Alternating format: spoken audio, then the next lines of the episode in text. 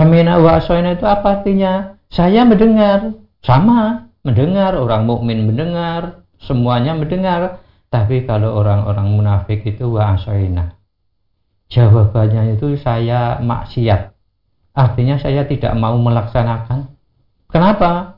Karena merasa berat. Gitu. Merasa berat perintah Allah Subhanahu wa taala itu. Nah, sehingga akhirnya dia ya mendengar perintah Allah itu ya mendengar tetapi tidak mau taat.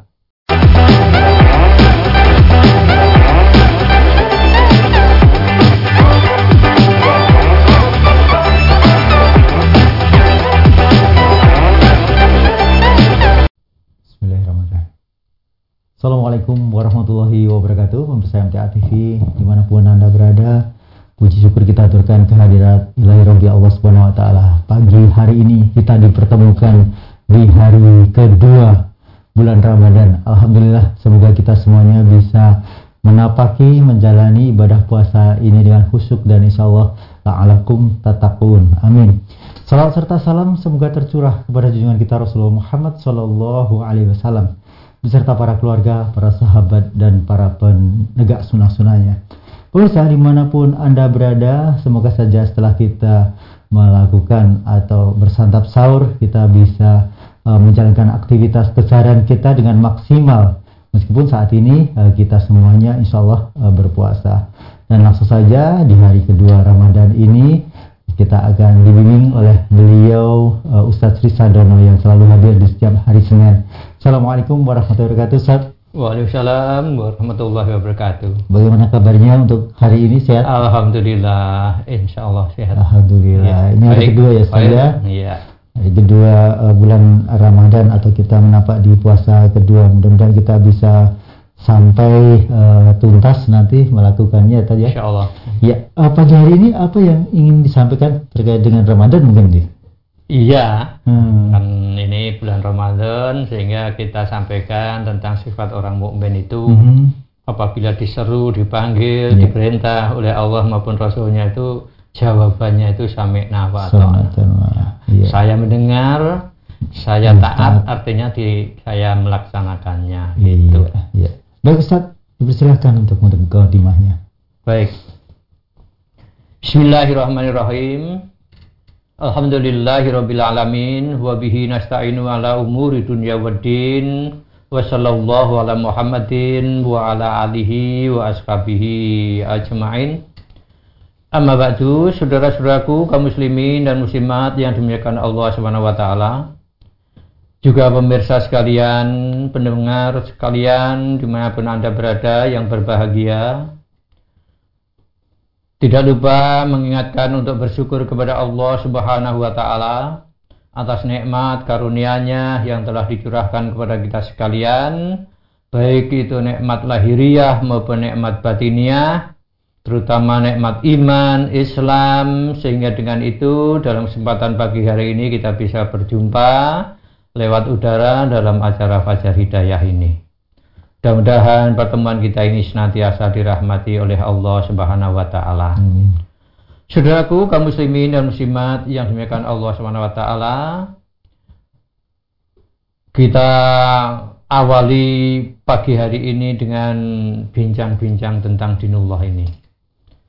Lalu sama-sama kita perhatikan nasihat-nasihat yang ada di dalam Al-Quran maupun As-Sunnah sebagai sumber daripada agama kita dengan harapan agar perjalanan hidup kita senantiasa berada di atas jalan yang benar, di atas jalan yang, jalan yang lurus, yang ujung-ujungnya kita mengharapkan keselamatan dan kebahagiaan hidup baik di dunia ini maupun di akhirat nanti.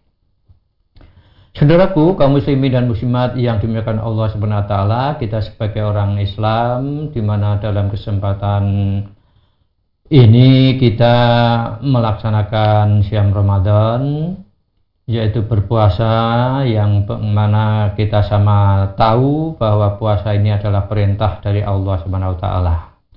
Lalu sebab itu Saudaraku sebagai sifat daripada orang-orang yang beriman, orang yang percaya penuh dengan Allah maupun Rasulnya, orang-orang yang beriman itu apabila diseru diajak, diperintah oleh Allah Subhanahu wa taala tidak ada jawaban lain kecuali sami'na wa ata'na. Innama kana ala mu'minina idza du'u ila Allah wa rasulihi liyahkuma bainahum ayyaqulu sami'na wa ata'na. Wa ulaika humul muflihun. Jadi sesungguhnya orang-orang yang beriman apabila diseru oleh Allah maupun Rasulnya atau mengadili perkara yang mereka perselisihkan jawaban mereka itu tidak ada lain kecuali sami'na wa ata'na. Kecuali saya mendengar dan saya taati. Lah mereka itulah orang-orang yang beruntung nah maka oleh sebab itu saudara-saudaraku kaum muslimin dan muslimat yang berikan Allah SWT termasuk siam Ramadan ini adalah perintah Allah Subhanahu wa taala.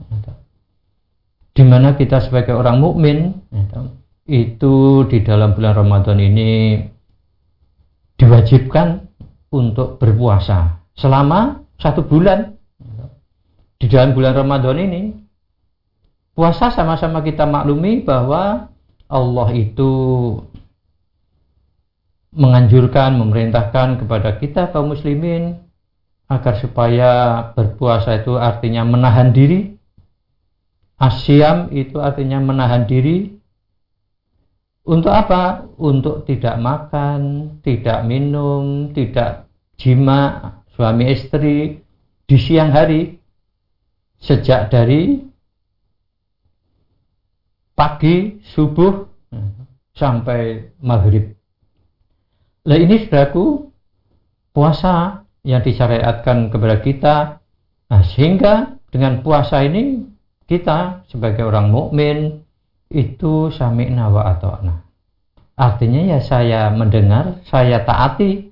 Artinya saya taati saya laksanakan. Nah, berbeda saudaraku dengan kaum munafik kaum munafik itu apabila diseru kepada Allah Subhanahu wa taala rasulnya itu tidak sami'na wa ta'na tetapi sami'na wa asoina sami'na wa asoina itu apa artinya? Saya mendengar. Sama mendengar. Orang mukmin mendengar. Semuanya mendengar. Tapi kalau orang-orang munafik itu wa asoina jawabannya itu saya maksiat.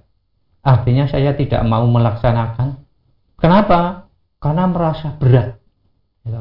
merasa berat perintah Allah Subhanahu wa taala itu nah sehingga akhirnya dia ya mendengar. Perintah Allah itu ya mendengar tetapi tidak mau taat.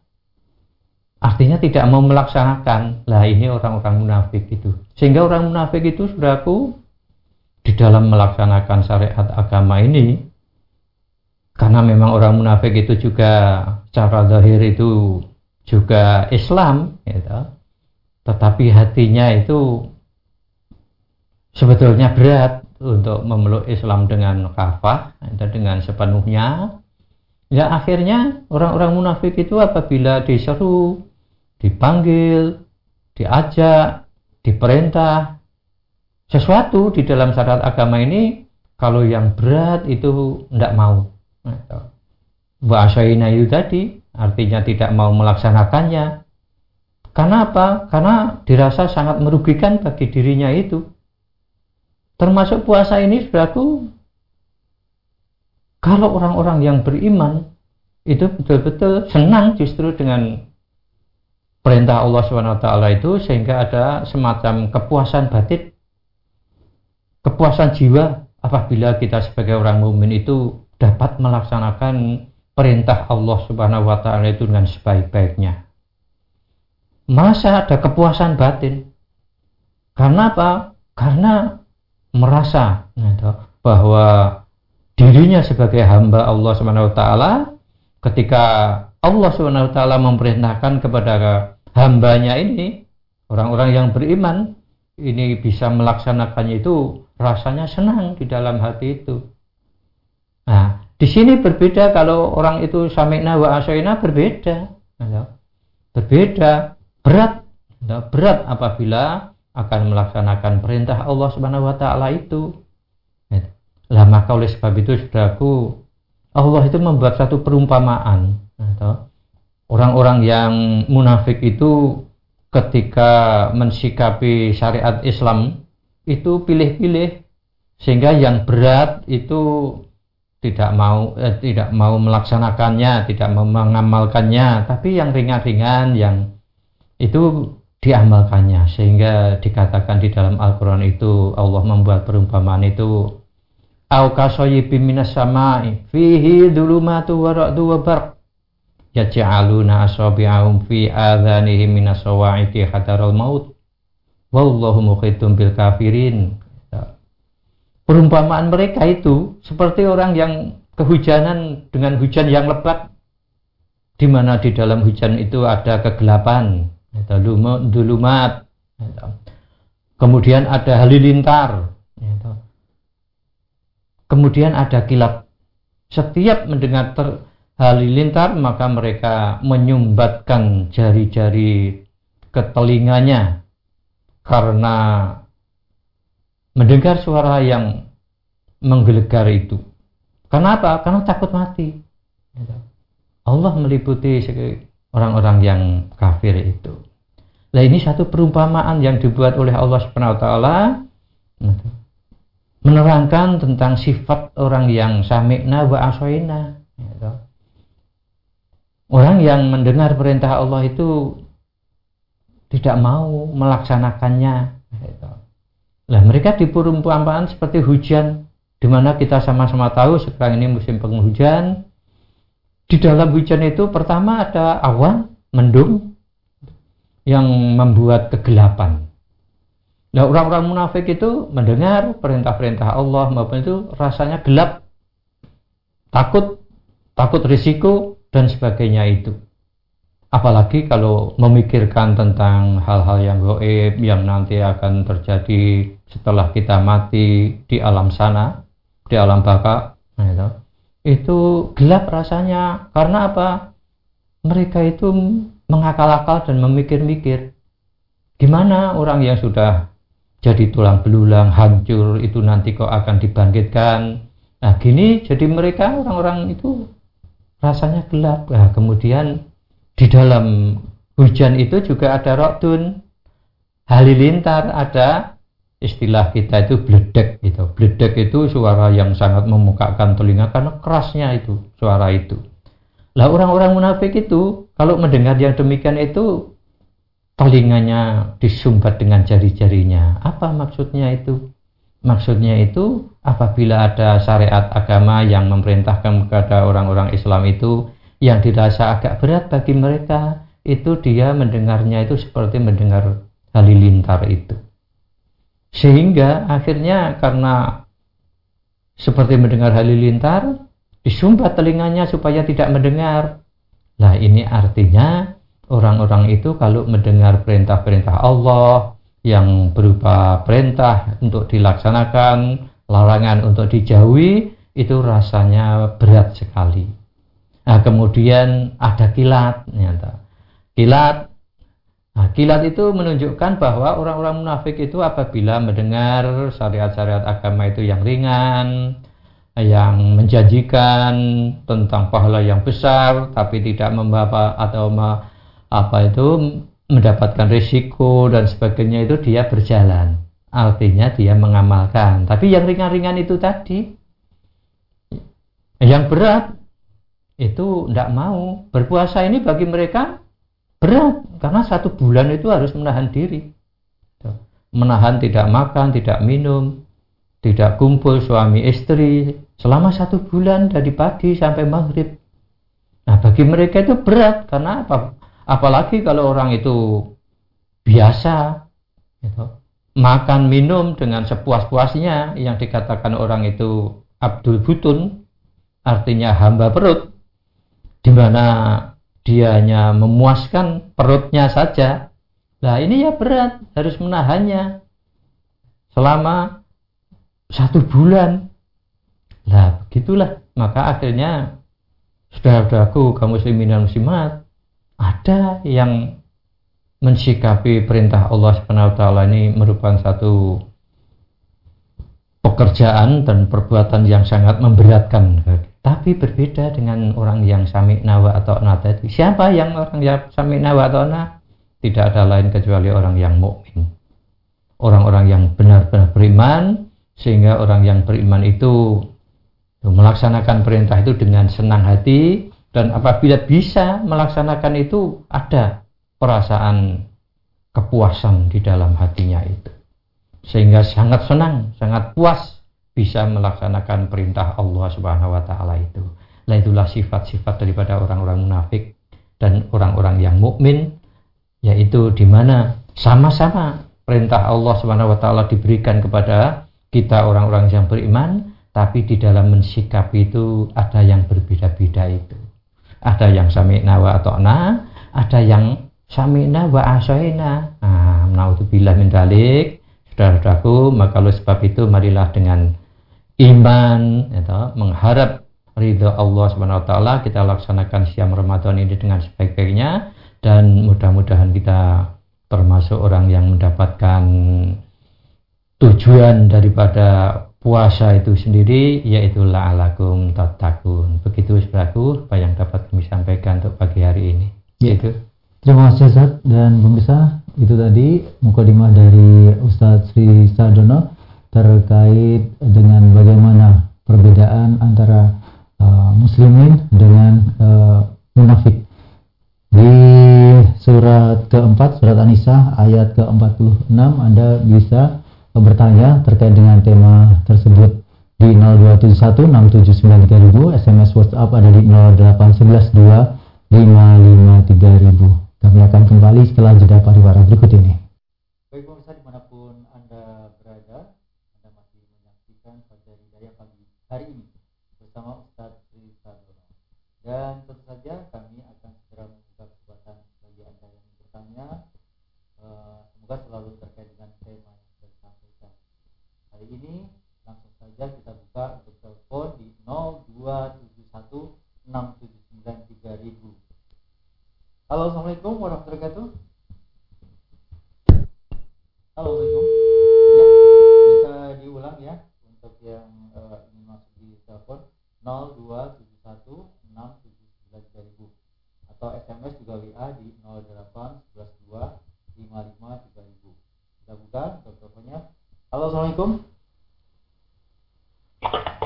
Halo. Assalamualaikum. Waalaikumsalam warahmatullahi wabarakatuh. Dengan siapa, Bapak? Dari Dedi di Sukarjo Mas Bila Sewu. Silakan Mas Dedi. Silakan. Ah, nggih, ngapunten Ustaz. Uh, niki kan uh, kalau wingi Ustaz tertulis sanjang napa niku soal bid'ah hasanah tentang imam terawih yang jamaahnya sendiri-sendiri mm -hmm. uh, terus digabung sama Khalifah Umar uh, yang jadi imam uh, satu tok uh, kan uh, niku uh, Khalifah Umar niku pas uh, menyatukan niku nopo Nabi Sallallahu Alaihi Wasallam kali uh, Abu Bakar Asidik niku nopo sampun cerita nopo mboten. Soalnya kan riyen uh, almarhum Ustaz Al-Masukin Anhu cuma nyinggung jamaahnya sama imamnya saja. Hmm. boten no, napa niku uh, boten uh, nyinggung tentang nabi kali uh, khalifah Abu Bakar ngoten yeah. uh, nggih. Niku mawon uh, hatur matur suwun atas uh, jawabannya. Ngapunten. Assalamualaikum warahmatullahi wabarakatuh. Waalaikumsalam warahmatullahi wabarakatuh. Iya jadi kalau kita lihat entah, peristiwanya pada saat Umar bin Khattab itu melihat di masjid kok banyak orang tetapi sholatnya itu kok macam-macam ada yang jamaah sedikit ada yang sholat sendiri-sendiri dan sebagainya itu sehingga dipandang saja sudah tidak sedap. Karena apa? Bermacam-macam itu tadi sehingga Umar bin Khattab itu lalu itu tadi perintah kepada jamaah situ agar supaya menyatukan sehingga menjadi satu jamaah yang dimami oleh seorang. Gitu. Lah kalau saat itu itu karena perintah Umar. Ya, sahabat-sahabat atau orang-orang yang jamaah itu lalu ya istilahnya kalau saya tadi katakan samina watokna kenapa samina watokna karena pada saat itu yang memerintahkan itu Umar. Umar. Kalau bukan Umar mungkin tidak akan apa dipatuhi atau ditaati kalau bukan Umar. Nah ini menunjukkan Umar pada saat itu memang sebagai seorang Amirul Mukminin sehingga Amirul Mukminin itu ya perintahnya itu itu ya sami'na wa ata'na karena ketaatan kepada pemimpin itu memang mutlak atau sehingga apa itu pada saat itu ah, kalau ditanyakan Abu Bakar mestinya kalau Amir Mukmininnya sudah Umar Abu Bakar sudah, sudah tidak ada, ada. ya sudah meninggal gitu. Nah, sehingga memang di dalam hal ini eh, memang Islam itu mengajarkan. Memang Islam itu hidup itu memang harus berpemimpin sebetulnya. Harus berpemimpin. Punya Amirul Mukminin kalau zaman dulu gitu. Kalau sekarang ini itu boleh dikatakan harus punya imam harus punya amir harus punya pemimpin itu untuk apa itu melaksanakan Islam dengan kafah itu tidak bisa kalau tidak dengan kebersamaan kalau tidak bisa kalau tidak hidup dalam berpemimpin ada pemimpin ada yang dipimpin seperti orang sholat jamaah itu ada imamnya ada makmumnya sehingga makmum itu apabila imamnya itu ruko ya ikut ruko semuanya tidak boleh mendahului gitu. kalau sujud ya sujud semuanya itu itu mengikuti iman lah itu gambaran orang Islam itu harusnya begitu dalam apa itu hidup ini kita mengembangkan semangat kebersamaan itu. Nah jadi Nabi sudah meninggal Abu Bakar sudah meninggal lah Umar pada saat itu perintahnya ditaati. Nah, akhirnya menjadi satu jamaah di dalam masjid itu diimami oleh seorang sehingga tidak tidak lagi bermacam-macam. Ada yang sholat sendiri ada yang jamaah sendiri bahkan di dalam satu masjid saja mungkin banyak berjamaah itu itu ya gitu jadi waktu itu kalau dilihat peristiwanya itu memang karena ketaatan kepada pemimpin karena itu merupakan suatu hal yang dipelanjurkan diperintahkan dalam syariat agama kita itu lah maka ada sistem kehidupan kebersamaan di mana Umar pada saat itu menjadi Amirul Mukminin, menjadi pemimpin umat Islam itu. Begitu. Ya. Demikian Mas Dedi di Sukoharjo. Berikutnya kita buka lagi untuk telepon. Halo, Assalamualaikum warahmatullahi wabarakatuh. Halo, Assalamualaikum. Halo, Assalamualaikum. Ya, mungkin bisa diulang. Halo, Assalamualaikum. Baik, kita masih nantikan bagi yang ada di telepon. Kita akan buka uh, kesempatan yang ada di WA. Uh, Ustadz, ini dari Yani di yeah. Klaten. Hmm. Jika awal malam sholat tarawih 4 rakaat, kemudian tidur, lalu sepertiga malam sholat tarawih 4 rakaat, lalu witir, apa ada tuntunannya jika sholat tarawih dipisah waktunya seperti itu? Ya. Jadi kenapa kita membuat-buat satu amalan yang sebetulnya itu jelas Sholat yang telah dituntunkan Nabi itu kan jelas itu.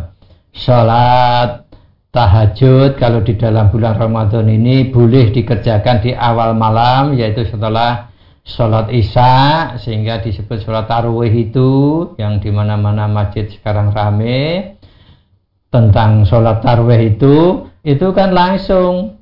Langsung delapan rakaat dengan dua apa rakaat salam dua rakaat salam itu langsung sehingga tidak apa itu diputus-putus. Nanti empat dulu tidur terus empat lagi terus witir. Nah tidak gitu. Kenapa? Nah, kita tidak usah membuat cara-cara. Kalau memang misalnya di awal malam itu kita capek atau kita lelah nah sehingga untuk sampai delapan rekan itu rasa-rasanya itu tidak punya kekuatan untuk berdiri lama misalnya sekarang ini sebetulnya Nah, sholat tarwih yang kita kerjakan itu surat-surat yang dibaca oleh imam itu ya pendek-pendek saja, tidak seperti Nabi. Gitu.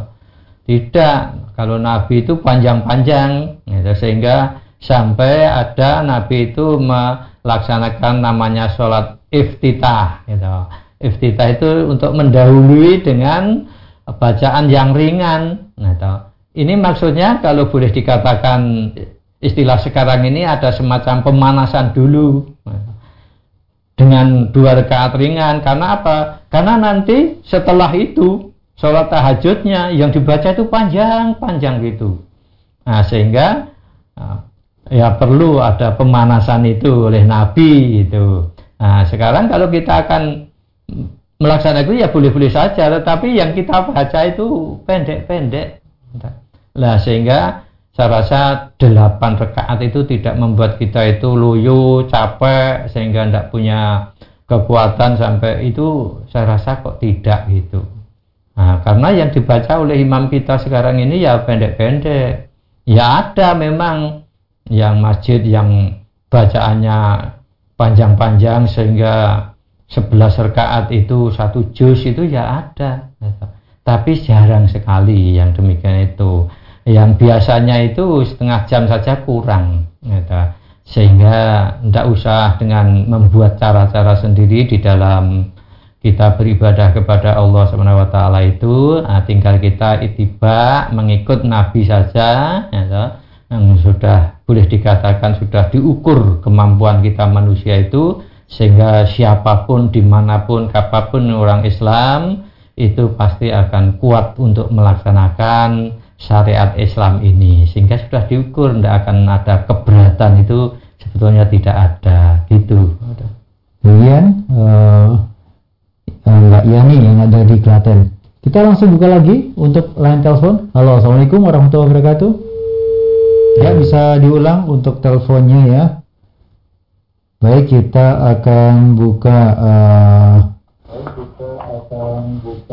sudah ditelepon lagi halo assalamualaikum sudah ditelepon lagi. Waalaikumsalam.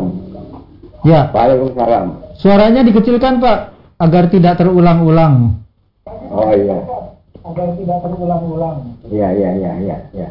Iya Pak. Ini dari Pak Hartopo di Tuban Pak. Pak Hartopo di Tuban. Silakan Pak Hartopo. Iya iya. Ini mau tanya masalah witir Pak. Witir. Witir ya. ya. Saya akan mengikuti sholat di musola ini taruh apa ya?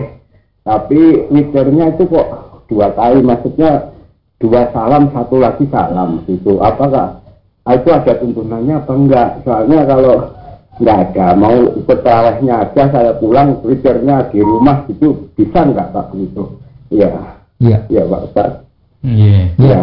baik terima kasih Pak Hartopo apa Hartoko ya ya Pak Hartoko di Tuban Pak ya, silakan. Rogo, Rogo. Ya, ya silakan. Rogo, Ya, ya. Terima kasih Pak. Assalamualaikum warahmatullahi wabarakatuh. Waalaikumsalam warahmatullahi wabarakatuh. Iya Bapak, jadi yang namanya witir itu artinya kan ganjil. Nah, ganjil. Ganjil itu ya tidak genap. Sebab kalau dua itu genap, tidak ganjil. Eh, yang satu itu itu ganjil. Namanya witir itu yang ganjil.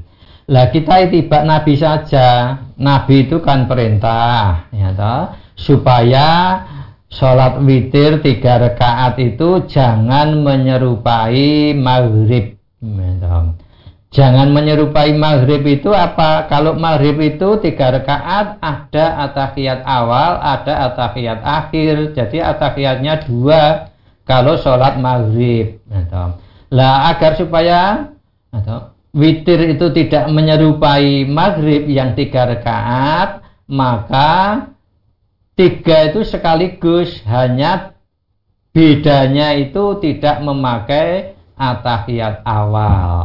Sehingga atahiyatnya itu hanya satu. Di atahiyat akhir saja sehingga setelah mendapatkan dua rakaat tidak duduk atahiyat seperti maghrib itu tidak, tapi langsung berdiri. Nah, nanti yang terakhir hanya satu atafiyatnya itu lah itu perintah Nabi semacam itu lah sehingga kalau kalau misalnya kita mengamalkan dengan cara dua rakaat salam kemudian ditambah satu rakaat itu saya belum mengerti dalilnya itu. Gitu. saya belum mengerti. Nah, sehingga apabila kita mengamalkan atau ikut kepada Nabi karena memang solu kamaru itu muni usoli maka caranya melaksanakan sholat witir itu ya seperti itu. Tiga kali tiga rakaat itu langsung ya, tidak memakai atahiyat awal agar supaya tidak menyerupai maghrib. Adapun bapak andai kata misalnya di musola atau di masjid itu yang bapak di mana ikut di dalam jamaah sholat tarawih itu itu kalau imamnya melaksanakannya seperti itu tadi dua rakaat salam kemudian satu rakaat lah karena kita kan ya belum mengerti karena kalau belum mengerti itu sebagaimana firman Allah itu wala malaisalaka bi ilmun maka tidak ikut karena belum mengerti dalilnya itu. Yang jelas ada dalilnya yang seperti yang saya katakan itu tadi. Maka sudah betul kalau Bapak tidak ikut atau ya witir bersama imamnya. Sholatnya tahajud ikut bisa dua rakaat dua rakaat, tapi witirnya itu tidak tidak ikut boleh ya sholat sendiri, menyendiri ke belakang dan sebagainya bisa diatur sedemikian rupa. Sehingga tidak ikut imam yang melaksanakan witirnya itu dua rakaat salam lalu ditambah satu rakaat itu. Itu. Jadi yang sudah jelas-jelas itu cara witir itu tiga langsung ya toh tetapi tidak menyerupai maghrib. Nah sehingga at-tahiyatnya itu hanya satu nah, sebagaimana yang sudah kita lazimi sekarang ini. Begitu Bapak. Ya kemudian Pak Hartoko di Jatirogo Tuban. Dan berikutnya di belakang uh, telepon lagi satu penelpon. Halo Assalamualaikum warahmatullahi wabarakatuh. Bisa diulang ya? Iya. Uh, untuk teleponnya. Kemudian dari Pak Ijo di Purworejo ini Ustaz Uh, Ustadz, sholat Nabi panjang-panjang. Apakah setiap malam selalu demikian? Gitu. Iya, jadi memang Rasulullah SAW itu kalau sholat, atau itu ada, atau dalam riwayat itu satu, satu malam itu yang sebelas rakaat itu hampir boleh dikatakan setelah isya sampai hampir fajar itu 11 rakaat. Anda bisa bayangkan gitu, sampai sedemikian rupa Rasulullah itu di dalam melaksanakan sholat. Gitu. Hanya memang kalau taraweh, gitu, taraweh itu kan artinya rileks, gitu. artinya di dalam melaksanakan sholat itu dengan perlahan-lahan, dengan istirahat begitu. Gitu. Nah, sehingga kalau panjang misalnya setiap empat rakaat itu berhenti berhenti istirahat panjang gitu. Sehingga sampai Aisyah itu mengatakan Nabi itu sholat empat rakaat jangan kamu tanya bagusnya dan panjangnya gitu.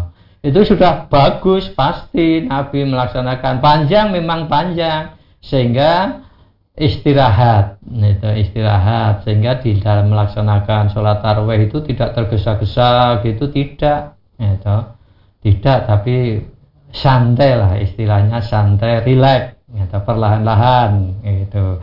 Nah, sehingga memang Rasulullah itu kalau um, sholat itu memang sedemikian rupa itu gitu. Sehingga panjang-panjang bacaannya itu panjang-panjang gitu. Kalau kita kan enggak gitu. kita hafalannya saja kadang-kadang ya tidak banyak sehingga yang pendek-pendek surat yang pendek-pendek itu saja kadang cepat sekali gitu. Jadi tidak rileks atau tidak perlahan-lahan tapi cepat. Nah, sehingga 11 rakaat itu kadang tidak ada setengah jam itu tidak ada itu 11 rakaat itu lah gitu. Nah, gitu Bapak. Jadi ya. memang Rasulullah itu panjang kalau membaca itu gitu. Baik. Baik uh, satu WA uh, terakhir ya dari Sudarno di Wai Kanan Lampung. Uh, Ustadz dari rumah saya ketika masuk waktu sholat banyak suara azan yang terdengar dari masjid ini. Hmm. Eh, suara azan mana yang sebaiknya saya tirukan dan Hmm. kapan saya bisa melaksanakan sholat qobliyahnya gitu.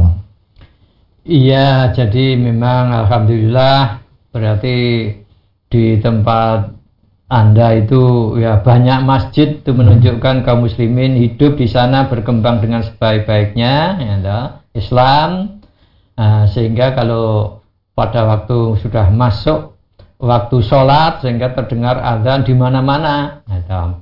Lah oleh sebab itu ya kalau kita ingin menjawab azan dari bermacam-macam tadi dari mana-mana itu ya kerepotan. Pastinya nah, mana ini yang saya ikuti atau yang saya jawab?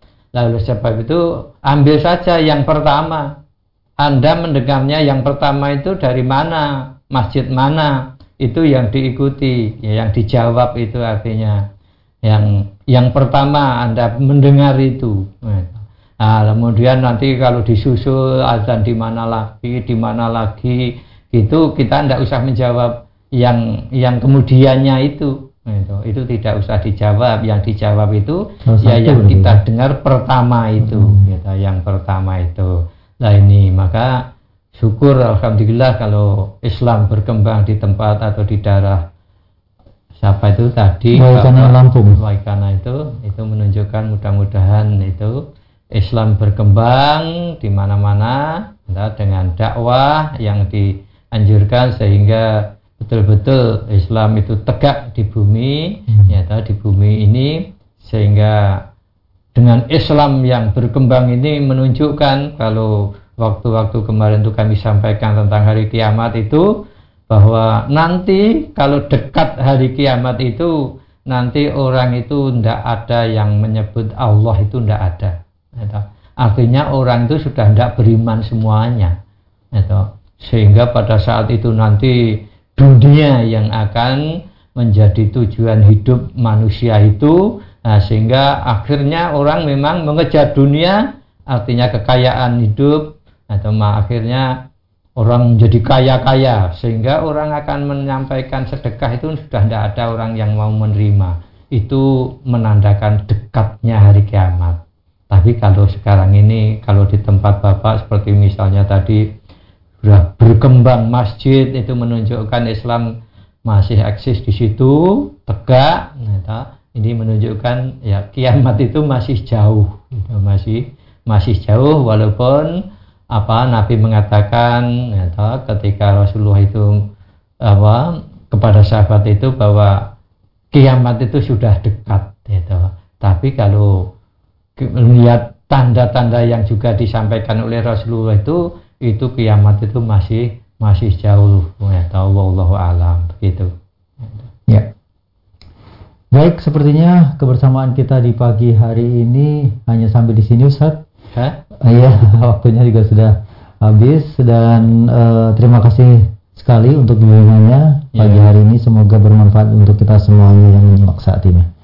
Ya, eh, selamat beraktivitas kembali. Semoga dalam keadaan sehat dan bisa menuntaskan puasa bulan ya ini. Ustaz. insyaallah Assalamualaikum warahmatullahi wabarakatuh. Waalaikumsalam warahmatullahi wabarakatuh Pemirsa di mana pun Anda berada, demikian tadi sajian Fajar Hidayah untuk pagi hari ini telah bisa kita ikuti bersama. Semoga kita bisa mengambil manfaat dari sajian ini. Saya Rudi Harfianto mengucapkan selamat menjalankan ibadah puasa. Semoga puasa kita diterima Allah Subhanahu wa taala. Alhamdulillahirabbil alamin. Subhanakallahumma wa bihamdika asyhadu an la ilaha illa anta astaghfiruka wa atubu ilaik. Bila taufiq wal hidayah. Assalamualaikum warahmatullahi wabarakatuh.